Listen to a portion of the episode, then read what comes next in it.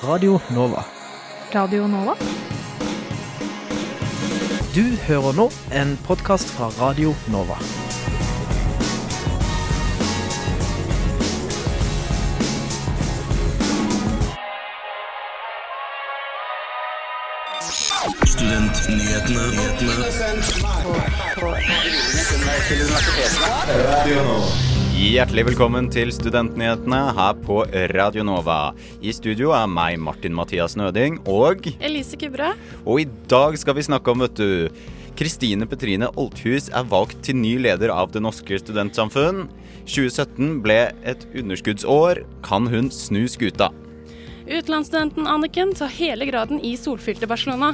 Vi møtte henne i den katalanske storbyen. Under 20 stemme ved studentvalget på UiO. Valget pågår den da akkurat nå, og vi forklarer deg hvordan studentpolitikken fungerer. Journalistikkstudiet ved Oslo OsloMet innfører hookeforbud i fadderuken andre året på rad. Er det greit for faddere å ligge rundt? Det blir debatt. Blå liste går nye veier for å kapre stemmer. Hør Nei til SIO-monopolet live i studio senere i sendingen. Men nå er det på tide med ukas nyhetsoppdatering.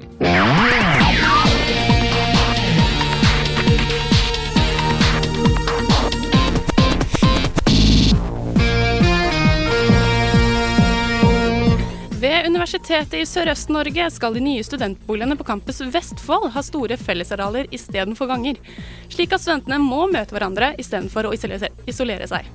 Dette er for bukt med ensomhet blant studenter, forteller Linda Tabita Tangen fra Studentskipnaden i Sørøst-Norge til NRK torsdag. Styret ved Høgskolen i Innlandet har vedtatt at det vil sende sitt første utkast til universitetssøknad den 15. mai.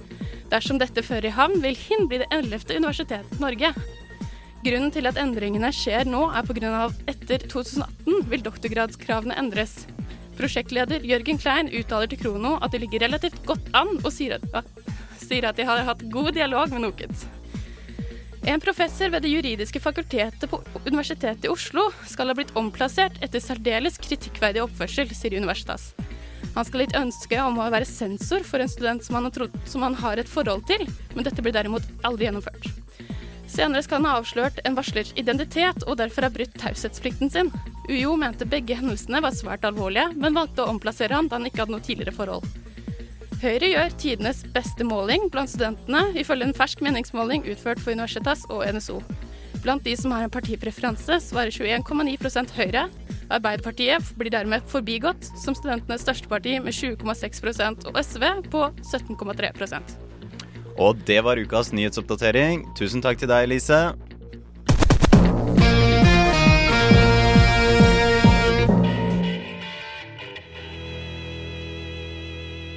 Der hørte vi Kill Bardi fra The Morning After. Og Det norske studentsamfunn har vært i ganske så hard motvind den siste tiden. Siden januar har eh, DNS, eh, som vi kaller det, stått uten formann etter at Trygve Haaland gikk av etter en foreløpig ukjent hendelse på et nachspiel. Nå har organisasjonen endelig fått ny leder. Kristine Petrine Oldhus, velkommen i studio. Tusen takk. Ja, Kristine, det er vel kanskje ikke så overraskende at du sier til Universitas at uh, du har ambisjoner om å være utrolig kjedelig. Fordi uh, det har jo vært flere konflikter hos ledelsen i DNS. Og vi må jo bare spørre det alle lurer på. Hva er det egentlig dine forgjengere har gjort? Det er ikke godt å si. Um, jeg skal ikke uttale meg så veldig mye om det, men, men jeg tenker det er utrolig mye lærdom å, å, ta med seg videre. Og det er vel derfor jeg, jeg kan uh, stille til valg med slagordet 'trygg styring' og ha ambisjoner om å være utrolig kjedelig. Men Eh, det som er kult, er at selv om det har vært utrolig mye rot, så skjer det veldig veldig mye bra på huset. Så jeg håper at uh, ved å være kjedelig, så kan det bli mer plass da, til de kule tingene som skjer her. Uh, hvordan uh, vil vi merke at DNS fungerer med deg som leder? Jeg håper man vil merke det ved at vi har fokus på, på, de tingene vi er gode på. Kanskje litt mindre personfokus enn det det har vært de siste årene. Og så syns jeg jo det skjer som sagt veldig mye kult der som fortjener å få plass. da. Mm. Og for både etter den økonomiske konflikten da med Markus Knutsen og nå da den siste nachspiel-hendelsen, eh, har det blitt en del endringer i driften. Er det noe annet du kan tenke deg som kan bli bedre i organisasjonen? Det har eh, det er veldig mye som har blitt, eh, blitt, bedre de siste årene også, så jeg er veldig heldig som får ta over et prosjekt som på en måte har eh, oppadgående liksom, stigning, da. Um, men, men, noe jeg tror vi kan bli bedre på, er som sagt å vise fram det vi er gode på. Jeg tror vi kan bli bedre til å samarbeide på tvers av foreningene og ja, eh, snakke opp Oslo som studentby litt mer, da. For vi har fått et ufortjent dårlig rykte. Uh, ferske tall fra regnskapet deres viser at underskuddet var på nesten 370 000 kroner i 2017. Mens i 2016 derimot gikk uh, dere med overskudd på nesten 1 mill. Uh, noe av dette kommer jo fra bl.a. mindre billettsalgs- og medlemskapsinntekter. Hva tenker du om å gå inn i nyvalgt lederrolle i en organisasjon som er i slik økonomisk eh, hva skal man si, jojo? Ja, eh, jeg opplever den økonomiske situasjonen som ganske udramatisk. Er, vi har en litt eh, komplisert struktur å forholde seg til, så jeg forstår at disse røde tallene kan se skremmende ut. Men, men, det er penger i konsernet. Og så ser man jo at noe av grunnen til at man har, eh, har de røde tallene man har nå, er fordi man har valgt å ha gratisarrangementer, åpne arrangementer. Og da tenker jeg at vi som studenter skal ikke gå med overskudd. Det er ikke det vi holder på med. Vi skal ha mest mulig aktivitet. Så som sagt ser det som ganske litt dramatisk. Du har jo også god erfaring fra tidligere verv. Du har jo både vært i Velferdstinget, Studentparlamentet og universitetsstyret. Er det noe derfra du vil ta med deg videre inn i DNS? Masse. Eh, vi er mange aktører i Oslo som, som, jobber for at vi vil at Oslo skal være en bra student, så bra studentby som overhodet mulig. Så det å ha erfaring fra flere steder og kunne, kunne trekke på de erfaringene og bidra til samarbeid, da, det tror jeg kan være veldig, veldig positivt. Og vi håper da selvfølgelig at eh, DNS nå kan senke skuldrene med deg som uh, nyvalgt leder. Og vi skal følge godt med, vi, så får deg gjerne tilbake i studio. Uh, tusen takk for at du kunne være med oss i dag, Kristine Petrine Olthus. Vi ønsker deg lykke til. Takk for at vi kom med.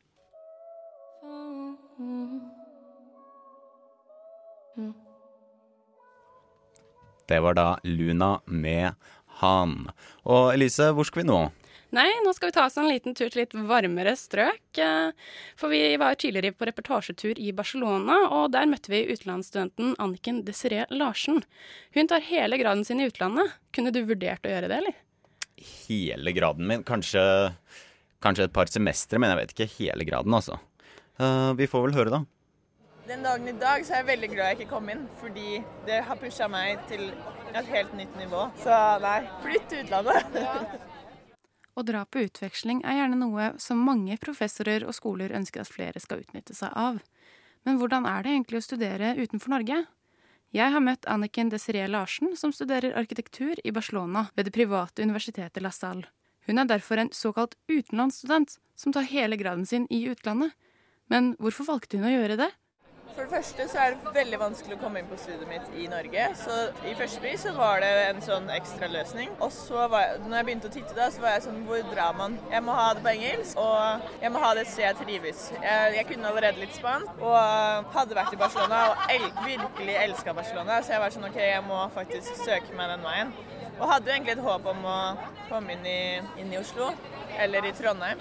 Men så kom jeg jo ikke inn. Men jeg hadde allerede fått den plassen her, så det at jeg ikke kom inn der, var jo egentlig ikke noe nedtur. For jeg hadde jo allerede sikra meg en plass. Så var jeg nok veldig spent når jeg dro nedover.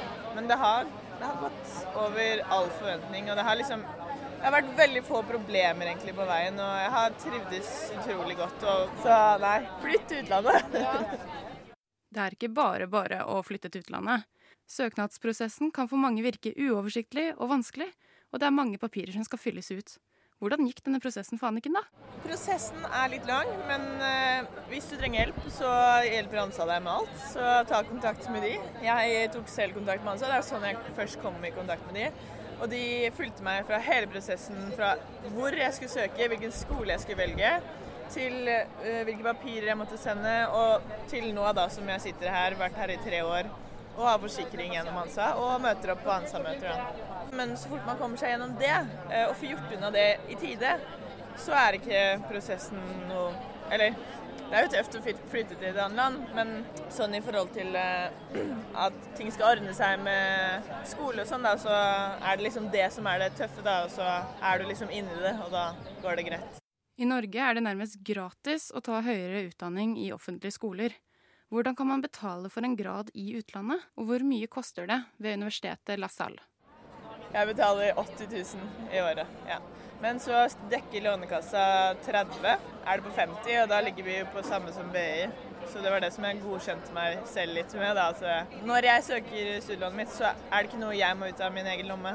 Studielånet dekker alt.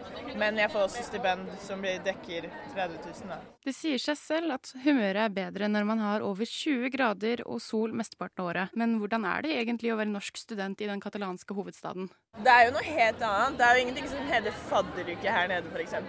Prøvde å lage en liten en da når vi får nye studenter. Man lever veldig annerledes. fordi For det første så er det billig her. Man har råd til å gå ut og spise hver eneste uke om man vil. Eh, man har råd til å ta seg øl ute. Det gjør jo at man lever i en helt annen kultur. Ja, det endrer veldig mye. Det er mye lettere å møte opp med folk og bare møtes på kafé, møtes på brunsj og ja. Det har vært politisk uro det siste året i Barcelona. Hvordan er det egentlig Anniken har opplevd denne situasjonen? Eh, det var helt forferdelig å se at politiet slo mennesker. Og det, du mister litt tillit til politiet når du ser sånne ting. Vi ble tatt ut av skolen faktisk i flere dager, eh, i et par omganger, som skolen ble sperra for vår sikkerhet. Jeg har ikke opplevd noe jeg utenom at jeg har sett disse bildene. Og, så jeg har ikke følt meg noe utrygg. Og det er veldig mye politi rundt i Barcelona som gjør at du føler deg veldig trygg. Så du er jo vant til å se politi hele tiden, og det hjelper jo veldig, da. Så nei, jeg har ikke følt meg utrygg. Og alle venner som har spurt, eh, som har kommet på besøk, om det har vært sånn er det farlig, er det noen steder jeg ikke skal gå, så jeg eneste jeg har sagt er ikke oppsøk demonstrasjoner hvis du er redd. Alt annet er ikke farlig. Det er mannen i gata som går og demonstrerer for sin, sine rettigheter. Det er eh, ja, katalanere som vil uh, ha fram sin sak. Hver dag klokka ti så steller katalanerne seg på verandaen med, kjel, med to kjeler. Så står de og slår kjelene sammen. Ja, og det kan vare alt fra to minutter til en time. Vi har satt mange netter og slått med kjeler, vi også. Kun fordi det har vært så Nei, det har vært så givende å se noen mennesker som står opp for sine rettigheter. For meg som står utenfor denne politiske situasjonen, så har jo dette bare vært spennende og og gøy da å få lov å være med på. Skal vi tro Anniken, så virker det som hun stortrives uh, i hverdagen som uh, utenlandsstudent. Ja, og vil du høre mer om Anniken og hennes hverdag, så finner du det i en podkastserie som snart kommer på Studentnyhetene. Produksjonen er laget med støtte fra Medietilsynet.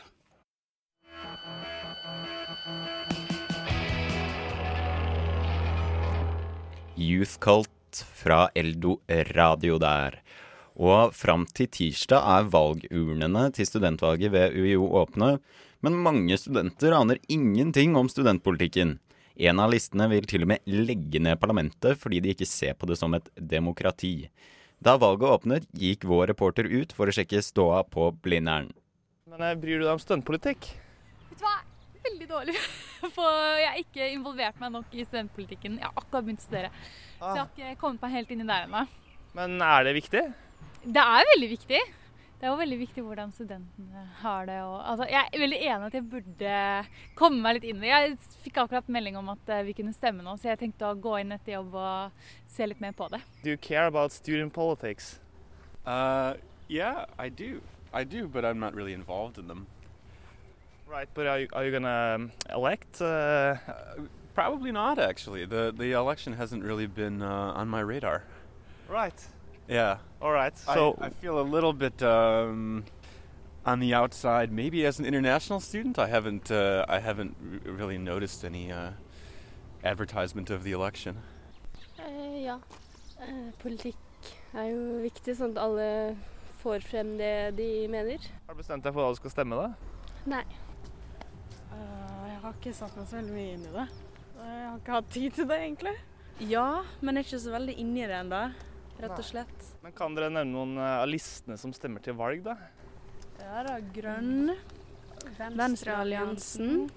Uh, du har den eh, Realist. Realistpartiet og Ap, basically. Eh, unnskyld, bryr dere dere om studentpolitikk? ikke så mye. Vi har egentlig ikke fått så mye informasjon om det. Eller ja, jeg vet ikke helt. Veit dere når det er valg, da? Det nå?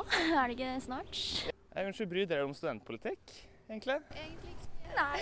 Men Kommer dere til å finne ut hva dere skal stemme da, eller? Ja, Hvor lang tid har vi på oss da? Til 15. mai? Ja. Ja, men det får vi til. Utsette som utsettes kan. Mange sliter med å skjønne poenget med studentparlamentet. Noen vil til og med legge det ned. Hvis du er forvirret, må du spisse ørene. Vi har gjort vårt beste for å forklare hvordan det fungerer. En stor grunn til at kun 17,6% av alle studentene ved Universitetet i Oslo stemte ved fjorårets studentvalg, kan være fordi ikke alle studenter vet hva studentparlamentet er. Så hva er egentlig studentparlamentet, og hvorfor har vi det? Universitetet i Oslo er jo en demokratisk organisasjon, hvor man styrer etter eh, hva de ulike personene som ferdes der, ønsker seg. Eh, Så man har de vitenskapelige ansatte, forelesere og forskere, de må si sitt. Eh, De teknisk administrative ansatte må si sitt. Og studentene må si sitt. Det sitter altså 36 representanter på studentparlamentet. 28 av disse vil bli valgt inn etter det nåværende valget, og de resterende åtte vil det bli valgt en representant fra hvert av fakultetene på Universitetet i Oslo. Studentparlamentet presenterer en politisk plattform til arbeidsutvalget, som arbeidsutvalget tar videre til styret i UiO og andre instanser som Stortinget for å kunne skape en forandring i hverdagen på Universitetet i Oslo. Hvis en helt fersk student på sitt første semester hadde kommet opp til deg og spurt Hei, hvordan fungerer egentlig dynamikken mellom studentparlamentet og arbeidsutvalget? Se for deg at jeg er en, en liten gutt som har fått med handleliste på butikken av mamma. Det er jeg som handler, eh, men det er mamma som bestemmer hva jeg skal kjøpe. Jeg håper dette var oppklarende. Mitt navn er Magnus Tune, og stem ved årets studentvalg. Det var da vår reporter, som han sa, Magnus Tune, og avtroppende leder for studentparlamentet, Jens Legreid. Stemme kan du gjøre fram til eh, tirsdag på valg.uio.no, og nå skal du snart få høre om hookeforbud. Men før det så skal vi få høre en låt.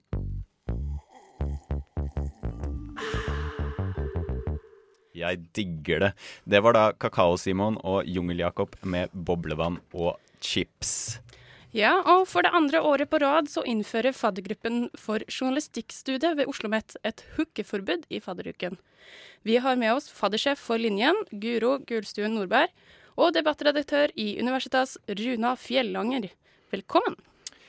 Guro, du var selv fadderbarn ved journalistikkstudiet i fjor. Hvorfor har dere valgt å fortsette med dette hookeforbudet?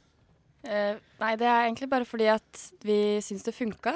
Det var aldri noen ubehagelige situasjoner, og vi hadde en veldig fin, eh, fin studiestart, så vi tenkte at det var eh, greit å videreføre det her. Og hva blir egentlig konsekvensen om to studenter eh, hooker opp? Nei, om, om en fadder hooker med en ny student, så kommer vi til å se på situasjonen. Er det en ubehagelig situasjon eh, der den nye studenten ja, blir, syns det er ubehagelig, så kommer vi nok kanskje til å inndra fadder-T-skjorta, og det er nok den, den verste konsekvensen. Mm. Runa, du mener at dette hookeforbudet ikke er nødvendig. Hvorfor? Ja, Det må jo også sies at det er litt paradoksalt. da. Er det et hookeforbud? Er det ikke et hookeforbud? Skal man bli fratatt noen rettigheter eller ikke? Det er jo litt spennende at man ikke helt har klart å bestemme seg eh, for hvilken form for forbud det egentlig skal være. Eh, men hovedgrunnen til at jeg mener det er en dårlig idé med hookeforbud, er at man blander sammen noe som er bra, og som kan være bra. Gøy, tilfeldig sex, f.eks. Som man har ganske mye av i Norge, eh, og som veldig, veldig mange åpenbart da setter litt pris på, sammen med noe som er dårlig. Altså grenseutfordrer Når noen bryter andres grenser, eh, seksuell trakassering osv. Da syns jeg heller måten man har gjort det på UiO, eh, eller på Universitetet i Oslo, der man har kurset fadderne eh, i grensesetting eh, og hva som er greit og ikke greit å gjøre. Eh, eller på eh, Handelshøyskolen BI, der man utestenger eh, folk fra, også fra studentorganisasjonenes fremtidige arrangementer hvis de oppfører seg ubehagelig i fadderuka. Jeg syns det er en bedre løsning enn en litt sånn småtrussel om at hvis dere hooker med fadderbarn, så kan det hende det får konsekvenser. Ja, altså er det ikke et alternativ eh, på Oslo OsloMet å kjøre noe kursing av fadderne? Eh, alle faddere på Oslo OsloMet eh, må gjennom et fadderkurs der uh, problemstillinger som det her blir tatt opp. Så det er noe som skjer. Men det her er jo noe som de starta med i fjor, som vi har valgt å videreføre fordi vi syns at det funka. Og det skapte en bevisstgjøring. Selve ordet hookeforbud er et ganske morsomt ord som folk husker på. Eh, og grunnen til at vi har valgt å videreføre, er fordi at vi vil at de nye studentene skal ha en så trygg og god studiestart som mulig. Og vi vil at våre faddere skal være ressurspersoner for de nye studentene. Eh, som de kan spørre om råd og hjelp av videre i studieløpet, og ikke være noen som de er redde for å møte på i gangene fordi det blir kleint. Men uh, hva hvis det oppstår da eh, reell søt musikk mellom en fadder og et fadderbarn? Skal Oslo Met stå i veien for det, eller er det Absolutt ikke. Selvfølgelig skal man få lov til å bli forelska. Uh, og som sagt så kommer vi til å se an situasjonen. Uh, og om det er kjærlighet, så går det også an å vente en eller to uker. Men Runa, du mener jo at det er jo en reell at det, at det er en maktbalanse mellom fadder og fadderbarn, eller du tenker jo at det ikke er en så stor forskjell? Nei. Eh, spesielt på journalistikk, som er en studie der mange begynner ganske seint, eh, og der eh, fadderen lett kan være yngre enn fadderbarnet, så mener jeg at det ikke er sammenlignbart når f.eks. en statsråd og en 17-årig medlem av et parti, eh, en toppsjef og en ringevikar, eller en professor og en student. Der burde det åpenbart være et hookeforbud. Eh, og så tenker jeg jo at det er litt rart, da. At det skal være greit hvis man er forelska, men ikke ellers. Eh, både fordi det må faktisk være lov til å bare ville ligge sammen. Og fordi de aller færreste er sånn Deg, deg har jeg lyst til å bli sammen med når man møtes. Veldig, veldig mange norske forhold er jo bygd på mye sex og liksom, usikkerhet uh, før man blir sammen. Og det er kanskje ikke så rart, da. At man ikke veit nå i 2018 uh, om man uh, har lyst til å være sammen med noen ved første blikk. Men også syns jeg det er litt rart, da. Litt sånn småpuritansk. At det skal være en forskjell på sex og kjærlighet og bare sex. Det syns jeg ikke man skal blande seg i. Og ikke minst, hvis du først blir forelska i noen i fadderuka, skal du liksom gå rundt og vente. Hva skal man gjøre da? Si til hverandre sånn Ja, jeg, jeg tror kanskje jeg er litt keen på deg. Er du litt keen på meg?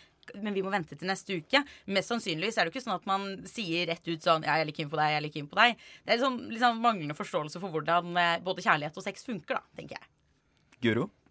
Ja, nei, altså, jeg er jo helt enig i at det skal være greit å bli forelska, og vi kommer ikke til å stå i veien for det. Men eh, hookeforbudet vårt er en slags retningslinje som vi vil at våre faddere skal prøve å følge eh, så godt som mulig. Eh, og ja. Men eh, hvorfor er, har dere lagt inn et sånt hookeforbud eh, hvis dere liksom på en måte mener at det er greit at eh, man kan liksom bli litt forelska og ha litt god stemning og sånn? Er, er, det fordi at eh, disse fadderne, når de møtes på skolen etterpå, at de føler at det kan være litt sånn uoppgjort der, og at man blir litt sånn klein på skolen og sånn. Tror du ikke de er vant med det allerede fra videregående? Fra russetida? Det er jo sykt mye hooking bare der. Det er det absolutt, og det har vi jo erfart, eh, mange av oss selv også, at det er ubehagelig. Det kan bli ubehagelig, det kan bli kleint. Og det er akkurat det vi vil unngå. Eh, når, hvis det bare er da tilfeldig sex, eh, og så blir det kjempekleint etterpå, og du er nødt til å se og henge med den personen hver dag de neste to ukene Men går det ikke an å ligge sammen uten å ønske seg noe mer, uten at det blir kleint? Det går an. Jeg tror men, det går an. Og det får bli siste ord uh, for denne gangen. Uh, tusen takk til faddersjef ved journalistikkstudiet Guro Gulstuen Nordberg og debattredaktør ved Universitas Runa Fjellanger. Du hører på Studentnyhetene. Elise, hva skal du i helga? Vet du hva, Jeg tenkte meg en liten tur hjem ja, etter at jeg leverte eh, eksamen. Mm -hmm. Hjem til mor og far og gratis mat og Hva skal du i helgen? Nei, um først og fremst så er det jo en ny episode av uh, Jersey Shore Family Vacation. Så jeg må jo selvfølgelig se hva Snooki og The Situation og Paulie D holder på med. Og for å ikke må ikke glemme at det er Eurovision i helga. Ja, stemmer. Rybak er jo tilbake. Mm. Og Rybak er tilbake, og skal, eh, jeg skal i hvert fall følge med. For vi har jo snakket mye om studentvalget på UiO eh, denne sendingen. Og hvis du har lyst til å bli mer kjent med politikerne og få med deg en levende og spennende debatt, så skjer det på U1 i kveld fra klokken seks. Ja, og neste uke så skal Stortinget votere om å tillate eggdonasjon. Norge er nemlig en av få land som ikke tillater dette. På Litteraturhuset klokken tolv på lørdag prøver UiO å gi deg hele bildet, konsekvensene, etikken og dilemmaet rundt biologiteknologiloven. Ja, og vi liker jo å lage radio. Og har, eh, har, du lyst til å bli den nye Radioresepsjonen? Eller kanskje noe som faktisk er originalt. Eh, På hovedbiblioteket til Deichman holder journalistikklærer Tina Eide podkastlab for alle som vil lære seg formidlingskunden. Eh, Det tre lange time verkstedet krever ingen forkunnskaper og begynner tolv på lørdag. Ja, og hvis jeg sier fargesprakende kostymer, 26 europeiske land, overdådig popmusikk og Alexander Rybak, vet du hva jeg skal frem til da? That's how you write a song. Yes, i helgen så er det Eurovision Song Contest i Lisboa, og vi skal i hvert fall følge med her på Radio Nova. Men du kan også dukke opp på Chateau Neuf, der hvor de har egen fest, eller så har Europeisk student fest på Månefisken.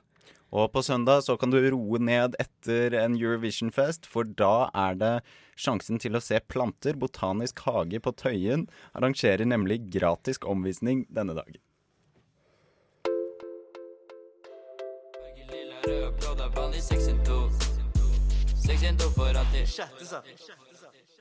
Ja, der hørte du 612 for alltid. Og vi er på helt på innspurten til studentvalget 2018 på UiO. Studentpolitikerne har i alle år blitt kritisert for en tragedielav valgoppslutning, som i fjor var på 16,6% Kanskje er mer show svaret? Ole Marius Gåsø fra Blå liste lanserte en valgkampsang for å sprite opp politikken. Velkommen, Marius. Hei sann. Hvordan fikk du denne ideen? Uh, jeg er veldig glad i sang og musikk, uh, så hvorfor ikke kombinere politikk og sang og musikk? Føler du at du, du har blitt litt inspirert av uh, Jan Bøhler? Altså, jeg tenkte ikke først på Jan Bøhler, men Jan Bøhler ligger jo i bakhodet til veldig mange mennesker. eh, så kan godt hende Altså, jeg sa, at, sa i universitetet at man kan vel kalle det å ta en Jan Bøhler, da. Selv om jeg ikke eksplisitt tenkte på han. Mm. Eh, trenger man å showe litt for å fange studentenes interesse? Vi får jo se hva valgoppslutningen viser. da. Hvis det hjelper, så er det kjempebra. Eh, jeg tror jo at folk liker show. Eh, Mm. Det har de vel alltid gjort. Så eh, kanskje liker det her også. Ja. Ja, nå skal vi nemlig få litt show her i studio også, så da skal du få lov til å spille sangen din. Takk skal du ha. Dette er altså gitarvarianten. Har du hørt hvor man får billig mat? Nei, det er ikke på Blindern. På Blindern. Til tross for momsfritak og gratis leie, det er ikke på Blindern. På Blindern. Magen sier stopp. Snart må jeg kaste opp. Kanskje er det på tide å si nok er nok.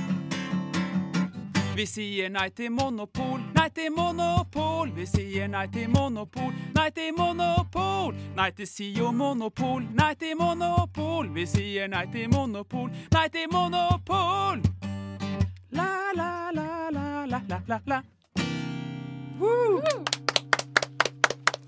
Kjempebra. Takk! det var låta di. Jeg har en liten anelse om at den kanskje handler om SIO-monopolet. Ja. Ja, eh, For dere i Blå liste, dere vil jo legge det ned, er det riktig?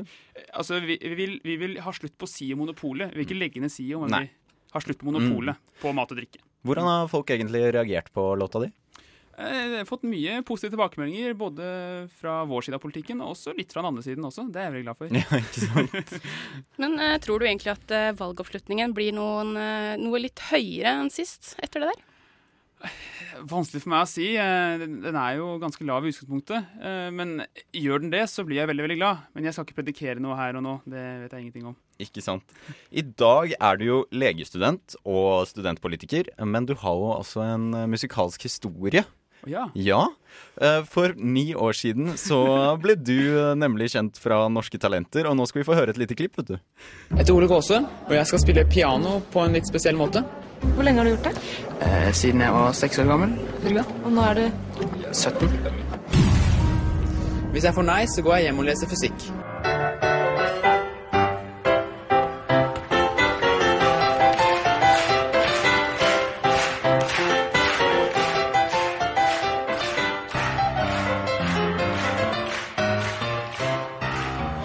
helt rå, liksom. Han var helt rå. Drikke helt vilt. Jeg er helt satt ut. Jeg er svimmel. Mia Gundersen sier du er helt rå. Er du fornøyd med det, eller? Det var veldig fornøyd med, altså. Ja, veldig hyggelig. Ja. Hun sier det. Ja, ikke sant? Eh, hvordan er det å høre dette igjen? Nei, det er jo å pinge bak gamle minner, da. Fra den gangen jeg hadde groupies og tilhengerskarer. Ja. ja. Så du mener ikke at du har det nå som studentpolitiker? det, er ikke, det er ikke lov etter metoo å holde på sånn, vet du. Nei. Men i musikkbransjen er alt lov. Oi, ja, ikke sant? Uh, uh, du kom jo faktisk helt til semifinalen, er det riktig? Ja, det stemmer. Ja. Uh, hender det at folk kjenner deg igjen som eh, Norske Talenter-Ole i dag? Når jeg kommer, kommer hjem til Nøtterøy og Tønsberg, så er det en del som sier de husker meg derfra. Så det er litt morsomt, da. Ja. Ja. Eh, har du vurdert å melde deg på igjen, eller? Kanskje med den eh, nye eh, SIO-monopolsangen? Jeg tenker kanskje at nå, eh, nå er det greit. Men det blir kanskje litt eh, sang og synging i helgen også, med Eurovision. ja, altså jeg skal jo følge i hvert fall litt med, det skal jeg. Det er jo, det, jeg er jo veldig glad i europeisk samarbeid, og da er jeg også glad i Grand Prix. Ikke sant. Og eh, for å avrunde, hvordan går det med, egentlig med valgkampen til Blå liste nå? Eh, altså, vi, det har hjulpet litt med sangen, tror jeg, da. Mm, Eh, vi, jeg vil si vi er velorganisert. Vi står på stand hver dag. Eh, vi får mye bra tilbakemeldinger, men det er også det er jo vanskelig å være på den blå siden på Blindern. Det er eh, eh, mange andre meninger da, ofte enn eh, det vi står for ofte. Men vi prøver å gjøre det beste. Men eh, så har det jo seg at eh, egentlig Høyre har blitt eh, litt eh, mer populært eh, blant studentene, som Mm. har eh, kommet opp til eh, 20,9 eh, Har du noen tanker om det? Ja, Det er helt fantastisk. Eh, Jeg tror jo og håper at eh, studentene forstår at Høyre er studentenes parti. eh, Og Blå liste er studentenes liste. Eh, Så det ser kanskje ut til at studentene begynner å innse akkurat det. Og helt til slutt, hva tenker du om eh, å legge ned arbeidsutvalget og studentparlamentet, som Fremskrittslista kjører på med? Jeg syns det er litt eh, ja, vi, vi kaller det radikalt. Det er litt radikalt. Litt radikalt. litt for radikalt. Ikke sant. Ja. Eh, tusen takk for at du kunne komme, leder for Blå liste, Ole Marius Gåse. Vi ønsker deg godt valg. Tusen takk.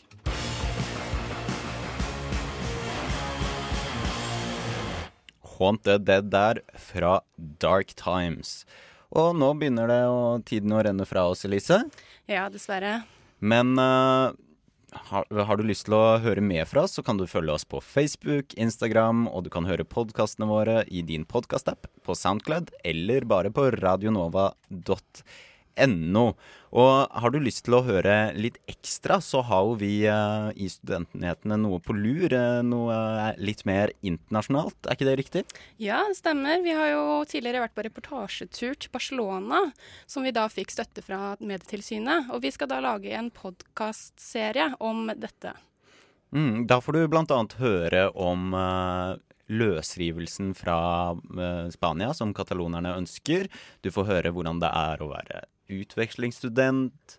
Og du får høre hvor, hvordan det er eh, står til i Spania, hvordan forholdet mellom eh, resten av Spania og Barcelona. Og hvis du er ekstra heldig, så får du kanskje høre hvordan det er å være på guttetur i Barcelona, og hvordan du ikke skal oppføre deg eh, når du kanskje er ute på en snurr eh, når du er på ferietur.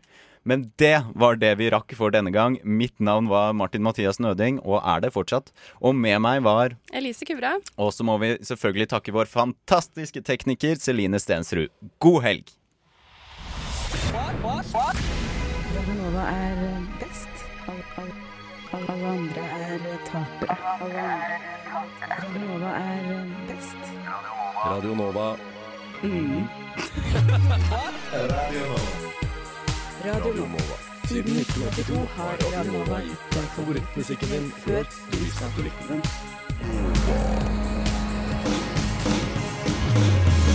Du har hørt en podkast fra Radio Nova. Likte du det du hørte? Du finner flere podkaster i iTunes og på våre hjemmesider radionova.no.